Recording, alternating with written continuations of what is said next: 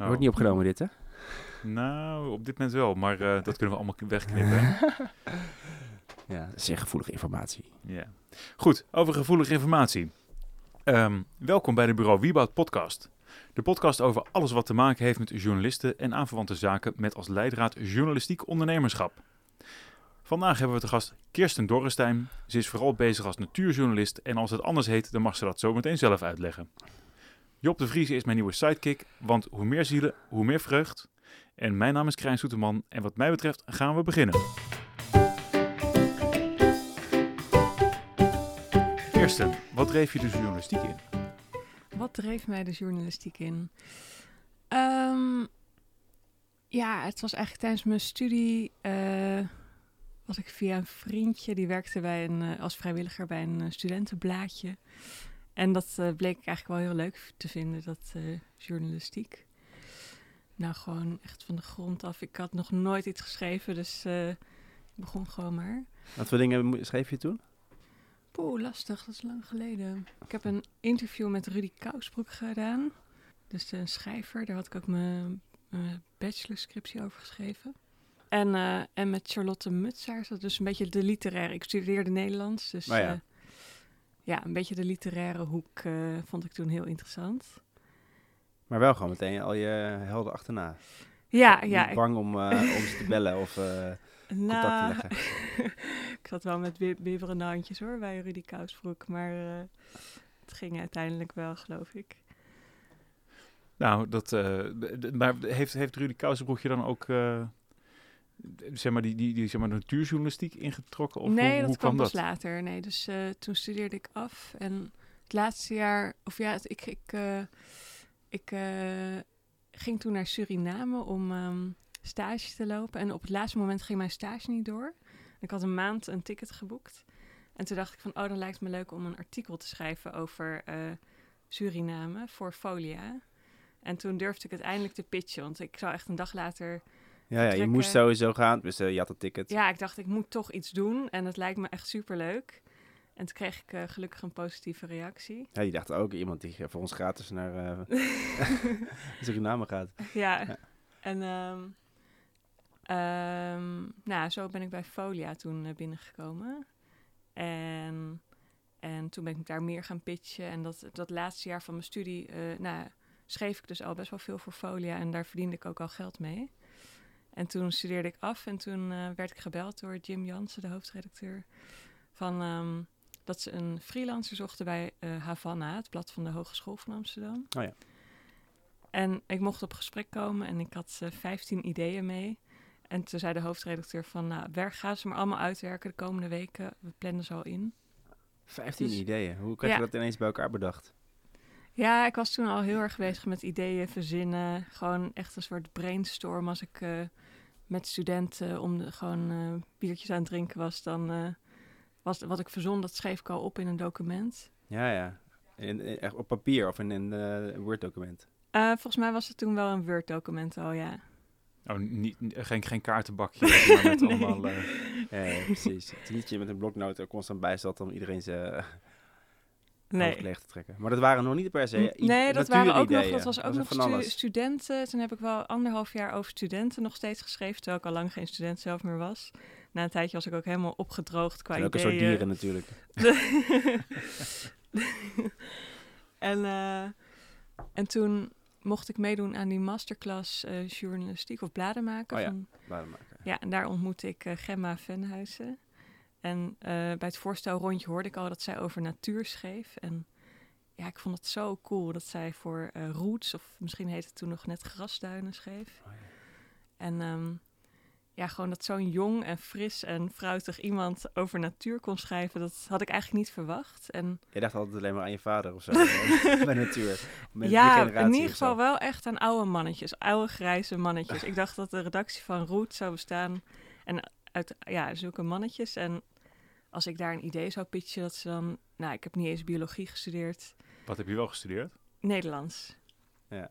Ja, maar en ik had daar een paar weken of maanden ervoor. Ik was, ik eh, zat wel in een soort crisis, Want eh, ik verdiende geen geld meer met Folia. Die namen ook mijn ideeën niet meer aan. Dat was gewoon ine- ineens wilden ze niet meer of zo. Nou ja, ik leverde ook zulke slechte ideeën in, volgens mij. Ik moest echt die stap maken naar iets nieuws. En, en eh, ja, ik wilde heel graag voor grote kranten of tijdschriften schrijven. Maar ik wist toch gewoon niet goed hoe ik dat moest aanpakken.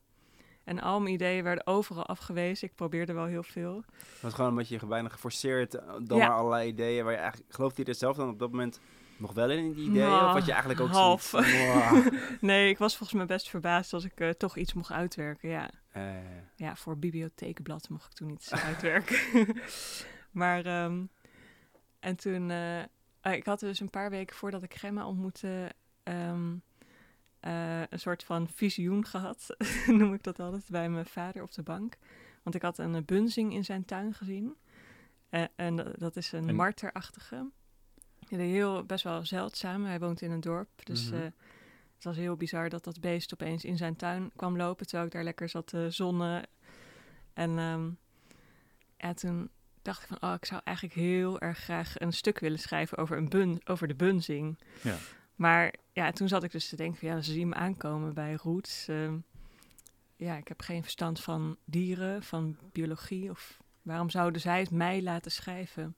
Maar toen ontmoette ik Gemma en... ehm, en die wist ook eigenlijk niets van natuur en van dieren. Maar die is toch bioloog? eh, nou, Gemma heeft wel aardwetenschappen, ja. Aardwetenschappen, ja. Dus ja, maar toen door Gemma zag ik wel van, nou, het is in ieder geval mogelijk om daar binnen te komen. En, en ja, zij schreef ook voor, ja, voor NRC over eh, natuur en eh, voor allerlei andere kranten en tijdschriften. Ja. ja, want inmiddels jij schrijft best wel veel voor, eh, voor onze loka ja, het lokale krantje, tussen aanhalingstekens, het Parool, over de stadse gebeurtenissen in Amsterdam. Ja, klopt. Want daar ben je, hoe lang doe je dat al? Ehm, eh, nou, dat is dus ongeveer anderhalf jaar daarna. Dus sinds wanneer was dat? Sinds, ik denk sinds 2013 of 2014 misschien. Ja. Ja, want dat vind ik toch altijd wel heel boeiend, zeg maar, wa- wa- wat je dan allemaal meemaakt, zeg maar, met, eh, of met, met een of andere boswachter, of niet boswachter, stadsboswachter, hoe heet het ook ja, weer? stadsecoloog. Stadsecoloog, eh, de, inderdaad, de rondrent. En ik vind het echt wel hele boeiende verhalen. Ik vind het sowieso, ja, en sindsdien kijk ik ook altijd naar de grond en dat ik denk van, oh, maar wacht even, is dat niet, ehm eh, hoe heet het speel, rucola, wat hier eh, Oh ja. groeit tussen de stenen en verzin het allemaal Ja. nog meer. Ja, ik kijk ook heel anders naar de stad sinds ik eh, over natuur schrijf. Gewoon al die planten die je tussen de stoeptegels ziet eh, groeien. En nu hoor ik eh, ja, wat voor vogels er zingen. Of, Ja. eh, Maar het was dus niet eens echt zo dat jij al heel erg constant alleen maar met de natuur bezig was. nee, helemaal niet. Nee. Nee, wat- sinds wat was je eigenlijk puberteit niet meer. je had je er tegen afgezet. ja, ja ik, eh, want daarvoor, ik was wel als kind heel erg bezig met de natuur. Met, eh, vooral met eh, insecten. Met hommels, dat waren mijn lievelingsdieren. Oh, vet. En die ving ik ook, ja, of met mijn handen of ehm, in een potje met wat bloemen en zo. En dan ging ik ze observeren. Nooit gestoken ook? ja, wel drie keer of zo, maar... en ehm, even kijken... Nou, ik wist ook al die Latijnse namen en zo uit mijn hoofd, alle soorten. Li- eh, lekker alle Linnaeus boekjes gelezen en zo. eh. ja, Maar, dan, maar toen in je puberteit is gewoon, ja, wij zijn helemaal weggezakt, inderdaad. En, en daarna pas weer. Ja, Wat- en ik merkte ook tijdens mijn studie en mijn puberteit... Ja, die hommels bijvoorbeeld, ja, die, dat, ik vond het gewoon ook niet stoer om... ehm, door Gemma heb ik ook geleerd dat het best wel stoer... Of, ja, het maakt ook niet uit of het stoer of niet is, maar... Ja, grappig wat een invloed die puberteit heeft, hè? Want Dat een imagoprobleem, de natuur bij jou. Ja, zeker. Ik vond het echt niet cool. En het was ook wel iets van mijn vader. Dus eh, ik Ah, vond- ja. vind het fijn ook dat ik het via Gemma, die natuurjournalistiek, heb leren kennen. En niet via hem natuur en dan binnengekomen of zo. Ja, dus ik heb het wel op eigen kracht gedaan. Ja, want, want ehm, wat, wat, wat is tot nu toe zeg maar, je meest voor jou eh, inspirerende ins- eh, zeg maar, reportage geweest hier in de stad? Om even daarbij te blijven. Ehm, even kijken. Nou ja, ik had vorig jaar wel wat leuke stukken. Eentje over de opkomst van de Vos naar Amsterdam. Toen merkte ik eh, gewoon door, ook door stukjes in het parool steeds van... hé, hey, er zijn opeens drie keer een stukje over vossen in de Jordaan gesignaleerd. Wat? Ja, en eh, ja, ik dacht, dan is dat een soort trend of zo? Dus toen ben ik gaan bellen met stadsecologen. En die zeiden, ja, het gebeurt inderdaad steeds vaker. Die houden dat allemaal bij, al tientallen jaren.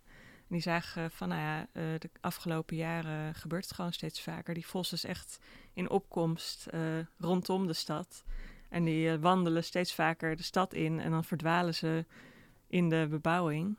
Ja. En toen ben je gewoon met een stadsecoloog vossenjacht gegaan. Nou, voor dat artikel ben ik gewoon eh, achter mijn computer gebleven. Want ja, er was toen toevallig, ik had dat idee al klaarstaan in een pitch. Maar nog, ik zag nog niet echt een directe aanleiding om het eh, naar het parool te sturen. Maar toen was er die week weer een vos gesignaleerd. Toen dacht ik, nu moet ik erbij zijn. En toen eh, heb ik die man gebeld. Hij was in een tuin van een man in de Jordaan beland. Dus die heb ik even gebeld van hoe dat dan was gegaan. En, en daarna allemaal stadsecologen en ook bredere over Nederland. Gewoon hoe die weten over de verspreiding van vossen. En, eh, en ook de Rotterdamse stadsecoloog even gebeld van hoe zit het eigenlijk in Rotterdam. En Da- hoe, zo, wat is dan het verschil met Rotterdam en Amsterdam? Nou, bij Rotterdam waren ze ook wel ehm, in opkomst. Maar nog niet zo, ze liepen nog niet zo ver de stad in als in Amsterdam. Ja. En, en eh, steden, zeg maar, meer richting Duitsland hebben die, eh, ja, die krijgen natuurlijk weer andere sightings, zeg maar. Ehm, Wolven. Je hebt alleen wolven. ja, ja, dat doet me ook meer denken aan wolf inderdaad. Ik weet niet meer precies hoe de hele verspreiding van de vos in Nederland is. Nee. Maar wel dat het echt goed gaat met de vos. En of ja, v- dat ze in- ook vooral in Amsterdam eh, komen ze vanuit twee kanten. Dus vanuit de duinen en vanuit de eh, eh, Veluwe, geloof ik. Lopen ze steeds verder naar ons toe. Nou, dat is wel een aardig eindje inderdaad. Ja. ja, ze kunnen volgens mij heel veel kilometers afleggen op een nacht. Ja. En ehm, ik herinner me ook iets met ehm eh, wormenhotels. Klopt. Eh, ja, dat, eh, daar heb ik wel een paar stukken over geschreven. Inderdaad ook dat je wor eh, wor- wormenhotels op je balkon kan houden. ja, wat is het precies? Ik weet het wel zo'n beetje, maar misschien de luisteraar niet. Ja, dus ehm, je hebt gewoon wat bakken die op elkaar zet met gaatjes erin aan de onderkant. En daar doe je gewoon al je eh, GFT-afval in. in. Je begint in de onderste bak en daar zet je dus een handjevol wormen in. Die kan je gewoon online bestellen. Die krijg je dan in een plastic zakje aangeleverd. zijn wel echte wormen dan. dus. Echte levende wormen. en ehm, die verteren dat dan eh, helemaal tot het mooie humus is. En als ze klaar zijn met de ene verdieping, dan gaan ze door naar als je op de volgende verdieping daar, eh, ja, Volgende level. Is, is het Ja. niet gewoon een ouderwetse compostbak? Of, of zeg ik nou iets heel beledigends? ja, voor de maar zitten daar ook gaatjes eh, voor de wormen? Zit, ja, ik weet niet of ja, in een normale compost. hetzelfde, denk ik. ja, Ja, het pro- proces Ja. is precies hetzelfde. Ja, ja ik, ik kom gewoon van zo'n zo'n plek met heel veel eh, land en, en Ah ja. ze Ja. moesten dat wat de compost wat hipper maken, zodat zij erover zou gaan ja, schrijven. want een hoop kun je niet in de stad eh, Nee. op je balkon. wordt wat lastig inderdaad. dus daarom, je kan deze zelfs op je aanrecht zetten, zou ik maar zeggen. Oh, maar dat is ook wel weer leuk voor, eh, model. om mee te spelen, zeg maar als je kiddo's hebt of gewoon zelf. misschien. Ja. De kiddo in jezelf los te maken. Ja. Maar wat, heeft, wat heeft jou eigenlijk... Want jij schrijft eigenlijk vrijwel alleen maar over Nederlandse natu- natuur, Ja. hè? Is dat, is dat een bewuste keuze geweest? Of hoe is dat, ja, hoe is ik dat vind dat. eh, ik denk ook dat kranten daar iets meer in geïnteresseerd zijn. En ik Ja, vind ja, dat zelf. Ik vind Amsterdam gewoon dicht bij huis. Vind ik het allerleukst. Want Ook een gewoon een beetje. BBC-documentaire aan het overschrijven bijna. Ja, en anders. Ik merk ook met ideeën verzinnen dat eh, zo een beetje afgebakend werken beter werkt dan heel breed dat alles mogelijk is. Dus inderdaad, natuur helpt mij al om me daartoe te beperken. En dan daarbinnen nog, ja, als er iets specifiek in Amsterdam is, vind ik dat eigenlijk, eh, ja, dan is het leuk voor het parool. En als het eh, buiten Amsterdam is, dan eh, stap ik naar trouw meestal. Dus. Ben, ben je eigenlijk al bezig met een boek? Nee. Nee, ik, ik hoor hier een boek namelijk. moet eerst iets anders afgeleverd worden, hè, straks. ja. Maar nee, ehm, Ik heb wel twee keer. Ik heb twee, ik wel twee keer over bij uitgevers gezeten. Maar ehm, als ik dan daar moest gaan beginnen, dan had ik eigenlijk, dan merkte ik dat ik er geen prioriteit aan gaf. En dat het, dat het ook wel. Ja, ik vind artikelen schrijven gewoon zo leuk op dit moment. En als er dan een actueel onderwerp aankomt, ik heb het al heel druk. Dus dan moet ik echt tijd voor gaan maken voor zo'n boek. Ja, En ik merk dat ik daar dat gewoon eigenlijk niet voor over heb op dit moment. dat, dat klinkt niet echt als een beperkende factor wat je nu eh, met zo'n natuurjournal als jour- natuurjournalist. Eerder zeg maar juist een, een niche die... eh, heb, je, heb je zeg maar concurrenten tussen grote aanleidingstekens? Ehm, Een paar. Gemma dan, maar ja, die... eh, Ah ja, ja, Gemma en ik werken wel veel samen ook aan rubrieken. Dus, eh, en nu is ze in dienst van NRC. Ehm, ja, er zijn wel wat natuurjournalisten, maar bijvoorbeeld niet... eh, nou of ik ken dan alleen Rosanne Kropman, die af en toe over eh, natuur in Amsterdam ook schrijft. Voor het Parool en Trouw. Ehm, maar verder, ja, er is een handjevol natuurjournalisten. Maar ik denk dat er nog wel ruimte is voor eh, meer, zeg ik altijd als ik mailtjes krijg van eh conculega's. ja, ja, het is minder hard dan bij tussen de culinaire journalisten die elkaar Denk de het wel. uitvechten. Ja, Is, is, het zo erg? Nee, valt wel mee. Er zitten er een paar bij ons op kantoor en, die, die- en ze leven allemaal nog. Dus eh,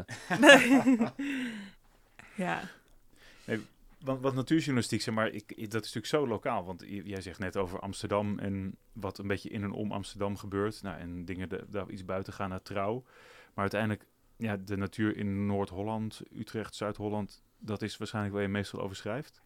Eh, en kom je dan ook wel buiten dat Randstad gedeelte of is het... Ehm, nou, toevallig inderdaad laatst in Limburg. voor eh, een stuk over blauwe bessentelers die ehm, bijen eh, kweken. Dus wilde bijen. Om eh, hun ja, gewassen beter te bestuiven. Maar nee, het is, ik, nee, ik hoef niet zo heel vaak... laat de dieren gewoon naar jou komen. ja, meestal heb ik genoeg ideeën in en rond Amsterdam. Ja, Ja. Wat nog natuurlijk ook wel een belangrijke vraag is, die moet ook altijd even gesteld worden als we het over journalistiek ondernemerschap hebben. Kun je ervan rondkomen? Ja, het gaat heel goed. Ja, ik denk wel dat ik eh, jaren nodig heb gehad om ehm, een beetje normaal niveau te bereiken. Of ook, ehm, ja, eerst schommelde het heel erg qua eh, opdrachten, hoeveel, eh, ja, en eh, ik moest heel erg hard werken, steeds weer pitchen bij zoveel verschillende kranten en tijdschriften. Echt alles wat je kan bedenken heb ik ongeveer gepitcht. Ja. Maar inmiddels profiteer ik daar heel erg van. Ik heb gewoon de leukste eruit gepakt. Die ben ik. En, en ja, eh, daar mag ik voor blijven schrijven. Dus, Ja, ja. ehm, ehm, Ondertussen maak ik stiekem even een foto hoor. Dat eh, vind, je, vind je toch niet erg, hè? Het is Nee, toch hoor. uiteindelijk een gezellige podcast. ja, Ja, tuurlijk. ja, dus. ehm, nou ja, eigenlijk sinds eh, drie jaar. Toen heb ik ook een grote vaste opdrachtgever erbij gekregen, IVN. Daar maak ik eh, als coördinator het ledenblad. Wat is IVN? Eh, ja, Instituut voor Natuureducatie. Die hebben duizenden vrijwilligers in Nederland die allemaal uh, natuurexcursies geven in allerlei steden en dorpjes en natuurgebiedjes. En ehm, nou, zij hebben een ledenblad vier keer per jaar, dat, eh, daar ben ik de coördinator van. En ja, sinds ik die, dat is dus een hele eh, stabiele inkomstenbron. Dat is wel heel fijn. Sindsdien voel ik me echt rustiger en, en eh, op dat moment kwam ook nog vogelbescherming of met de vraag of ik in de redactie wilde van het tijdschrift. Dus Want hoe, is, hoe is die verdeling bij jou een beetje tussen de zeg maar, media zoals het Parool of Trouw en, en dit soort eh, andere blaadjes of, eh, of, of eh, verslagen of dat soort dingen? Mm, ik heb niet zo heel goed zicht. Ik denk, ik denk toch wel misschien 60 of 70 procent vaste dingen of um, richting... Van je tijd. Ja, of richting En van je commerciële. inkomen waarschijnlijk meer, weet ik niet. Maar- Ja, dat sowieso. ja, en dan, want meestal, ja, die vaste rubrieken, die gaan gewoon altijd wel een beetje voor, want daar eh, kan ik van leven. En dan als ik tijd over heb, dan ga ik pitchen voor eh die kranten. Want, eh, en dan, ja, dat wil ik ook niet te veel, want anders, het kost me ook altijd best wel veel stress. Het moet snel af en, eh, ehm, ja, ja, dat vind ik wel fijn, gewoon om dat een beetje te doseren, eigenlijk. Had je dat eerder anders? Dat je dan altijd het gevoel had, ik moet constant pitchen en verhalen schrijven? Ja, zeker, ja. Eh, dan was ik ook heel geforceerd aan het, ehm, aan het eh, zoeken naar ideeën. Soms echt bellen en mailen en eh, op internet struinen. En nu laat ik het veel meer op me afkomen van wat ik, als ik een goed idee hoor of zie toevallig. Dan wil ik dat, ja, dan vaak, vaak gaat het zo kriebelen. Dan wil ik zo graag dat pitchen. Dat ik dat, dat ik mezelf soms in moet houden als ik nog te druk ben met andere dingen. Maar Gra- Ja, ja. Grappig hoe dat dan groeit. Hè? Zeg maar dat je op in het begin helemaal nog niet doorhebt wat interessant is of wat niet. En dat je heel erg moet zoeken. klopt. En dat je eigenlijk op een gegeven moment leert dat dat nou, vanzelf komt. Schrift, Zeker ja. als je ergens Ja, echt in rust. zit. Ik Ja. wat, ik, wat ik wel grappig vond, ook, volgens mij was het een paar jaar geleden, dat jij op een gegeven moment bedacht had, ik wil meer opdrachtgevers. En dat je bij wijze van, ik weet niet of je nou een gouden gids of zo, of in ieder geval een hele lijst had gemaakt. Oh ja. ja. Ehm, en die ook echt allemaal was gaan afbellen. Ik dacht van, wow, dat, dat, dat doen maar weinig journalisten Oh ja. of, of Ja. schrijvers. eh, dat je zo echt zo systematisch... Dat Ja. ook, en dan natuurlijk, 9 van de 10 die hebben geen plek of geen tijd of eh, nemen niet op. Maar dat je dan toch... Ja, het kwam ook inderdaad ehm, doordat ik toen, ehm, toen dus echt vast was gelopen voor, voordat ik Ja. eh, Gemma ontmoette, zou ik maar zeggen. En toen heb ik een jaar als tekstschrijver gewerkt bij een commercieel bedrijf. En tijdens dat jaar heb ik een... eh, ja, dat was eh, niet mijn favoriete bezigheid. Het motiveert het- ook weer om weer journalist te worden. Dan. Ja, ja, dus daarna ik, nou, wist ik zeker van, wow, dat freelance... Want ik was er ingerold naar mijn studie, dus ik wist niet zeker eigenlijk of het echt iets bij mij, ja, voor mij zou zijn. Nou, Maar- schrijven zelf moet je ook leren. Ja, Ja, Ja. maar na dat wie, wat, jaar... hoe, wat, waarom enzovoort.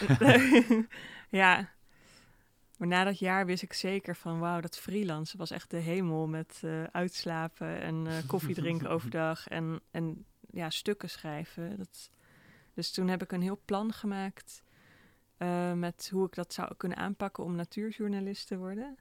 Dus ehm, ja, ook alle organisaties een beetje geïnventariseerd waar ik eventueel voor zou kunnen schrijven of contact opnemen met een VVV of zo, die dan weer natuurexcursies geeft en voor folders of zo. Ik zat gewoon enorm te brainstormen.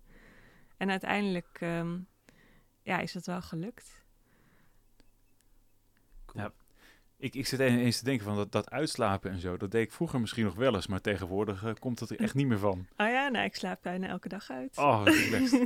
maar dan werk je ook zeg maar de hele nacht door. Of eh, Nee, denk je gewoon lekker, zoek het lekker uit. Ja, nee, meestal ga ik wel rond een uur of elf naar bed. Maar eh, ja, eh, als ik om half tien, dan moet ik echt mijn wekker zetten, zou ik maar zeggen. Luxe is dat, hè? ja. Enfin, Ja. Al die niet-freelancers die nu meeluisteren, ja, zo heerlijk is het. Maar soms ook niet.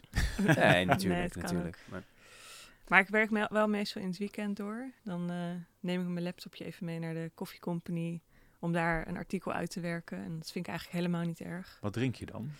Een koffie. Gewoon zwarte koffie. Decafé tegenwoordig. Oh. Ja, oké. maar normaal drink je gewoon zwarte koffie. Geen, ge- geen gekke fratsen. Nee, gewoon... eh, Geen frappoe, mo- moschino's. nee, gewoon koffie verkeerd vaak. Ja, dat, dat, sorry, dat, ik moet dan dat een beetje zeg maar, het clichébeeld bijst- bijstellen. Hè? Maar dat... eh, ja, welk clichébeeld? Ja, van die freelancers die dan gaan zitten met hun eh, laptopje in zo'n koffiecompany. En dan om vijf uur blijven zitten op één koffie. Oh ja. Nee, ik hou het meestal kort.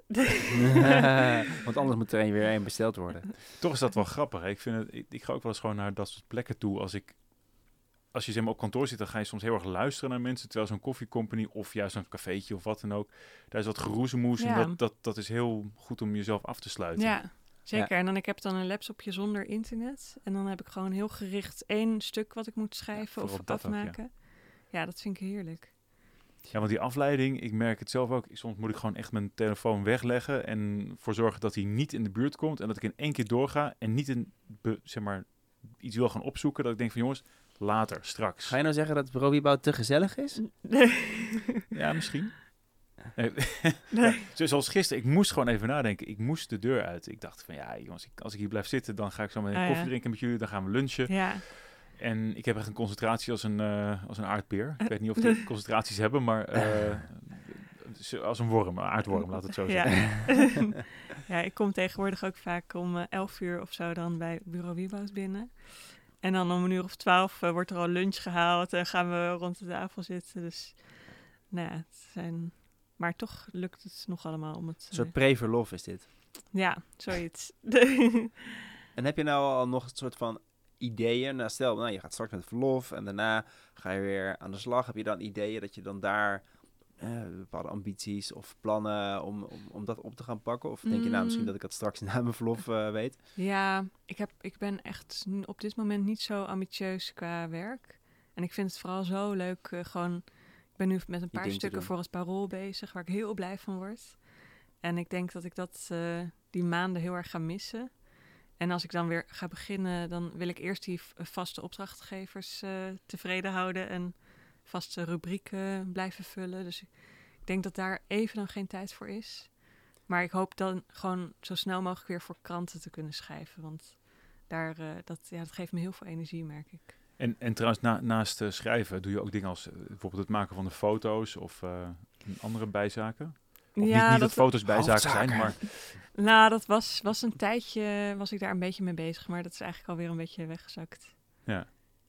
En heb je, heb je al stukken geschreven waarbij ook daadwerkelijk eh, bijvoorbeeld, eh ehm, hoe heet zoiets, eh, diagrammen, of nee, niet diagrammen, ehm, Infographics? infographics handig zijn, waarbij echt, doe je dat wel eens? Want ik kan me voorstellen dat natuurjournalistiek dat soms gewoon nodig heeft om dingen beter uit te kunnen leggen dan in bijvoorbeeld Mm, je gewoon heel beeldend kan schrijven natuurlijk. Ja, je weet, maar ik heb bijv- bijvoorbeeld zo'n zo, zo'n wormen ding voor het balkon. Ik bedoel, dat kun je omschrijven, maar ik kan me voorstellen dat, dat mensen daar eh, schemaatjes van Ah, ja. willen. En, eh, ja, nou, het komt niet zo vaak voor eigenlijk.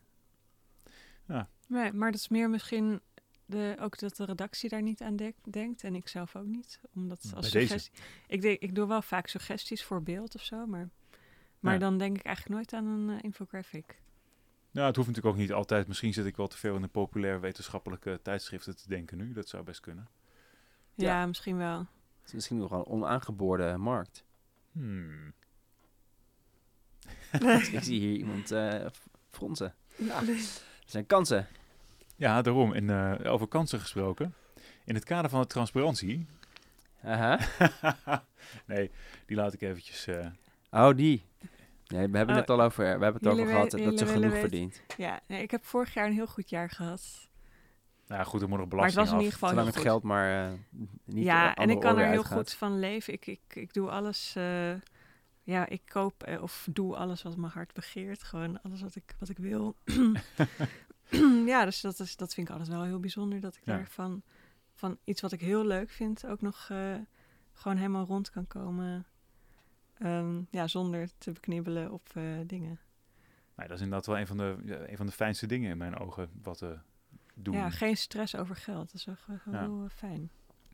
Ja, nee, dat scheelt, dat scheelt een hoop. Want ik, tenminste, je hoort natuurlijk altijd dat journalisten het zo, zo zwaar hebben. Maar ik moet heel eerlijk zeggen. vind je het ook eh, meevallen? Ik ken ze niet. nou, nee, ik ken, ik, ken ze, ik ken ze wel. Maar bij ons eh, op kantoor gaat het over het algemeen wel goed, ja. Zeker, ja.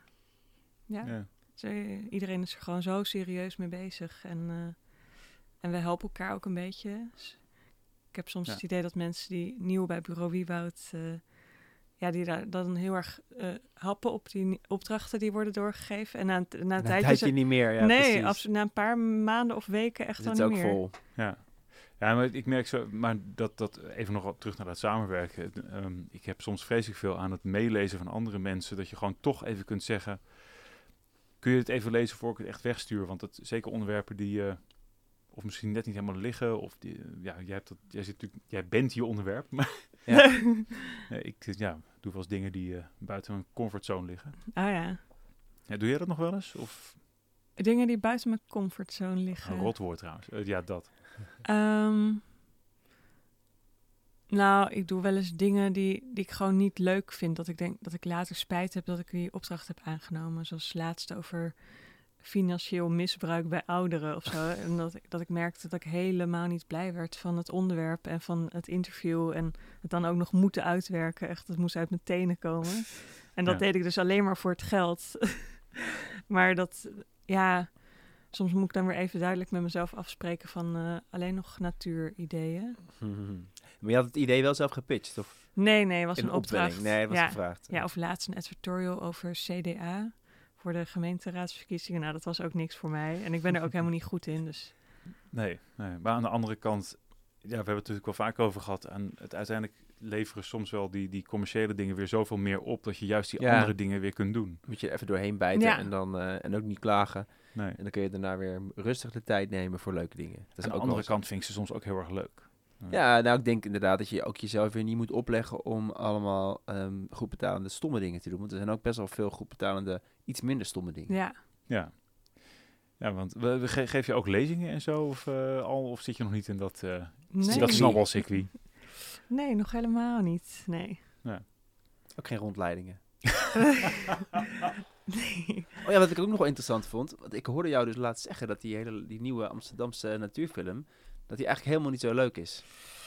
Oh ja, daar wilde ik nog naartoe. Maar dat Oh ja, dus niet nou, doen. ik kan, Nou- wel, ik kan wel aanraden om er naartoe te gaan. Ik heb dus echt hele mooie beelden van eh meerkoeten en eh meeuwen en ratten en alles. En Ook- ook wel... Als er een microfoon bij is, gaan mensen ineens veel eh, correcter eh, praten. Hè? Dat, maar, ehm, nou ja, ik vond hem wel gelikt. En ja, ook die muziek die erbij is uitgekozen, vond ik gewoon te... Ja, ik kan het niet zo goed uitleggen. te hip. Ja, eigenlijk wel. Een te populair. Ze willen het gewoon Wat voor de grote massa... Eh, ik weet echt Heel niet meer hoe dat een heet. beetje pop, hip-hop, eh, heel, heel urban.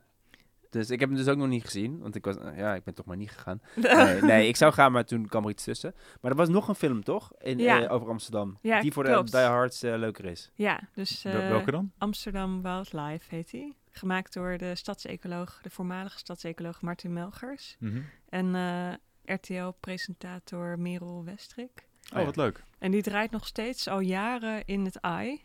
Dus eh, Al jaren zelfs. ja, Hoe, hoe oud is die dan? Ehm, nou, misschien, misschien twee jaar of zo. Oh, al jaren klinkt zo eh, Ja. alsof het eh Nee. een of andere film uit Er zitten nog geen, 1980 vo- er nog geen Oh ja, vossen nee. in, dat, eh, die waren er nog niet. Ja, maar die inderdaad, eh, die laat wel, ja, die, die geeft echt een mooi inkijkje in de stadsnatuur. Ja. En ook wat bijzondere di- de dieren dan eh, deze nieuwe eh, film De Wilde Stad. Want, want wat laat de wilde stad allemaal zien dan? Ja, dus vooral eh, meerkoeten, meeuwen, ratten. En, En dan, kat en ook een, echt een beeld van de stad. Dus eh, op Koninginnedag en eh, Gay Pride. En, eh, Allemaal En die dan- dramatische en- gebeurtenissen. en de- Amsterdam ja, City Marketing gesponsord natuurlijk. Ja, zoiets. En een kat eh, speelt de hoofdrol. Oh, dat heb ik gehoord. Ja, dat was niet zo'n eh, geslaagde keuze. voor, Nee, voor dus sommige Het, kijkers. is ook, het, is een, ja, het lijkt ook een beetje voor kinderen wel. Oh, oké. Jammer. Maar gemiste die kans. andere vind ik gewoon veel authentieker, die eh, Ja. Amsterdam Dat is Wildlife. toch waar we naar zoeken bij natuur, hè? Dat moet dan een Hm. beetje authentiek, op zijn minst lijken. ja, dat is wel waar. Ja, ja want, dat, want dat, dat willen we allemaal. hè. Terug naar Arcadia. Terug naar eh, vroeger toen alles beter was. Maar is het, ja, dat valt volgens mij, als ik die stadsecoloog soms, eh als tenminste jouw verhalen soms lees, dan denk ik, oh, dat- het is best wel interessant wat er allemaal gebeurt nu. Stadsnatuur is wat dat betreft veel pragmatischer. Dan Ja. heb je natuurlijk veel minder te maken met eh, hoe het zou moeten zijn. Want het is per definitie al modern. Ja. Ja. Ja. Ja, hartstikke. Ja, wel, ja dit, dit- ik, vind, ik blijf het een heel interessante eh, niche vinden waar jij in zit hoor. Goed woord ook voor niche. Ja, nee, dat klopt. Ehm, Biologenwoord. ook dat nog. Ja, ja, als- jij als een soort van bioloog toch? Ja, ik ben, ik ben hier nog de grootste bioloog, ja. Ja, ja, inderdaad. Maar ooit met zijn vingers in de grondvloed houden, maar Nou, nee. Laat maar. Was dat ging nee, nee? Oh ja, nee, ik heb wel in de modder gevroed voor mijn boek eh, destijds, maar dat was meer voor het idee. Ja, oké. Was nepvroeten. Precies. Dat was voor de scène. En wat misschien wel leuk is nog om te vertellen, ehm, dat de komende week de uitkrant uitkomt. En ik mocht eh, een, eh, het kofferverhaal schrijven over de wilde stad. En dan, en maar dan, eh, terwijl in de wilde stad hoor je dus niet heel veel ehm, informatie over, wat, eh, ja, over de rode rivierkreeften die door Amsterdam lopen. Die zie je wel dan lopen bij het Amstelstation, maar je, we- je weet niet wat ze daar nou echt doen. En Lopen ze echt over de, over de stenen, zeg maar? Of alleen ja, door het schijnt water? wel dat ze soms eh, over de stenen gewoon van slootje naar slootje lopen. Ah ja. Maar even kijken, je zegt komende week, het is nu 27 maart. Kijk, als iemand dit op ehm, 28 eh, september hoort, ja, Ja, dus volgens mij het aprilnummer eh van, van van 2018. Uitkrant, ja. En eh, daarin geef ik veel meer van zulke soort eh, leuke feitjes. Nou, ik ben heel benieuwd. Ja. Eigenlijk. Want ja, ik eh, fiets wel eens rondjes door de stad of in de buurt. En denk ik, ik keek ook op een gegeven moment zo'n viaduct naar beneden. Of tenminste eigenlijk brug, want dat ding gaat over het water heen. Ja. En toen zag ik daar enorme kreeften inderdaad eh, Oh, ruzie ja? maken. Toen dacht ik, hè? Oh, bijzonder. Ja, ik heb ze dus nog nooit in het wild eh, gezien. Ja, het was echt bizar. Daar heb ik ook Ah. toen een klein filmpje van gemaakt. Maar ja, dat heb ik op YouTube gezet, maar we- stiekem Oh, ja. snel weggehaald. Kijken maar drie mensen naar. Ja, Ja, het schijnt dus dat de stadsecologen vaak gebeld worden van er lopen schorpioenen door de stad. Oh, een soort mega schorpioenen. vet. Ja. Nou, ehm, om het bij schorpioenen te houden. Ik, ik, ja, ik, ik denk dat het, eh, dat het een mooi gesprek was zo. En ja, Ik het ook wel. zeker. we zijn eh, een mooi en lekker een half uur bezig geweest. Oké. En dan, eh, nou, dankjewel voor het eh, hier zijn. Ja, dank jullie wel. Succes met verlof straks. Ja, Ja, dank je. want wanneer ga je op verlof? Met Eh, verlof. begin juni. Oh, ik dacht dat het echt volgende week was of zo. Dat je Nee, dat joh. zei. Oh, Nog twee Nee, maar ja, je weet niet hoe, hoe immobiel mensen al worden vlak voor het verlof. Dus nu Dat is het nog lekker fris en fruitig. Ja, precies. Dat is waar. ook zo, ja. voor, voor je het weet, hè, oh, instabiele bekkens en zo. Precies. ja. Precies. Nee, dat, dat wens ik je allemaal niet toe. Ehm, nou, eh Kirsten en Job en ik mezelf natuurlijk, hartelijk bedankt. en tot de volgende keer. ja.